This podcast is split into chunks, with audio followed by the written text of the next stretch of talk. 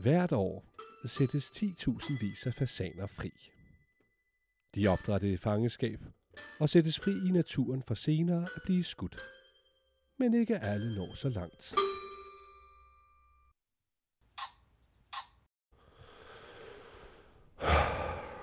Som tingene bare far forbi. Jeg når ikke noget.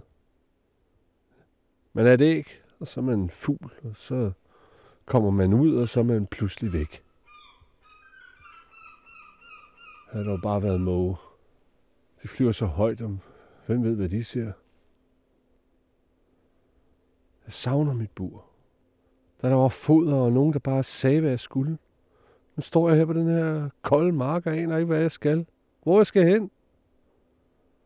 Jeg venter bare på, at døden kommer og tager mig. Mig burde man skyde. Ja, hvis du ikke passer på, så er det lige det, der kommer til at ske. Åh, oh, hej. Er du der? Er det okay? Du ved, det bare... Det bare sådan en af de der... Hvad skal det alt sammen til for i dag, dag? Jeg ved godt, det er mig, der hyler, men det var nu bare mere simpelt og enkelt dengang i buret. Det er klart, det er udfordrende at være fri.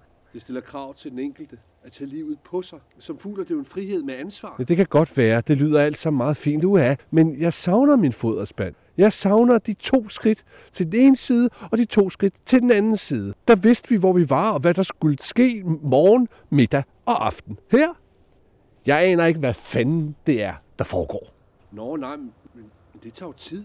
Du ævler om de der grønne træer, om de der datter. Finde mad, og jeg skal lære under eget ansvar, og så er jeg heldig, hvis jeg en dag bliver skudt for sig inde i maven på en eller anden halvfed bundeknold i gummistøvler. Hvad fanden er det? Oh, ja, men, men sådan er det. Sådan er det? Hvad er det? Er det, hvad du har at sige? Jamen, vi har alle vores roller at spille.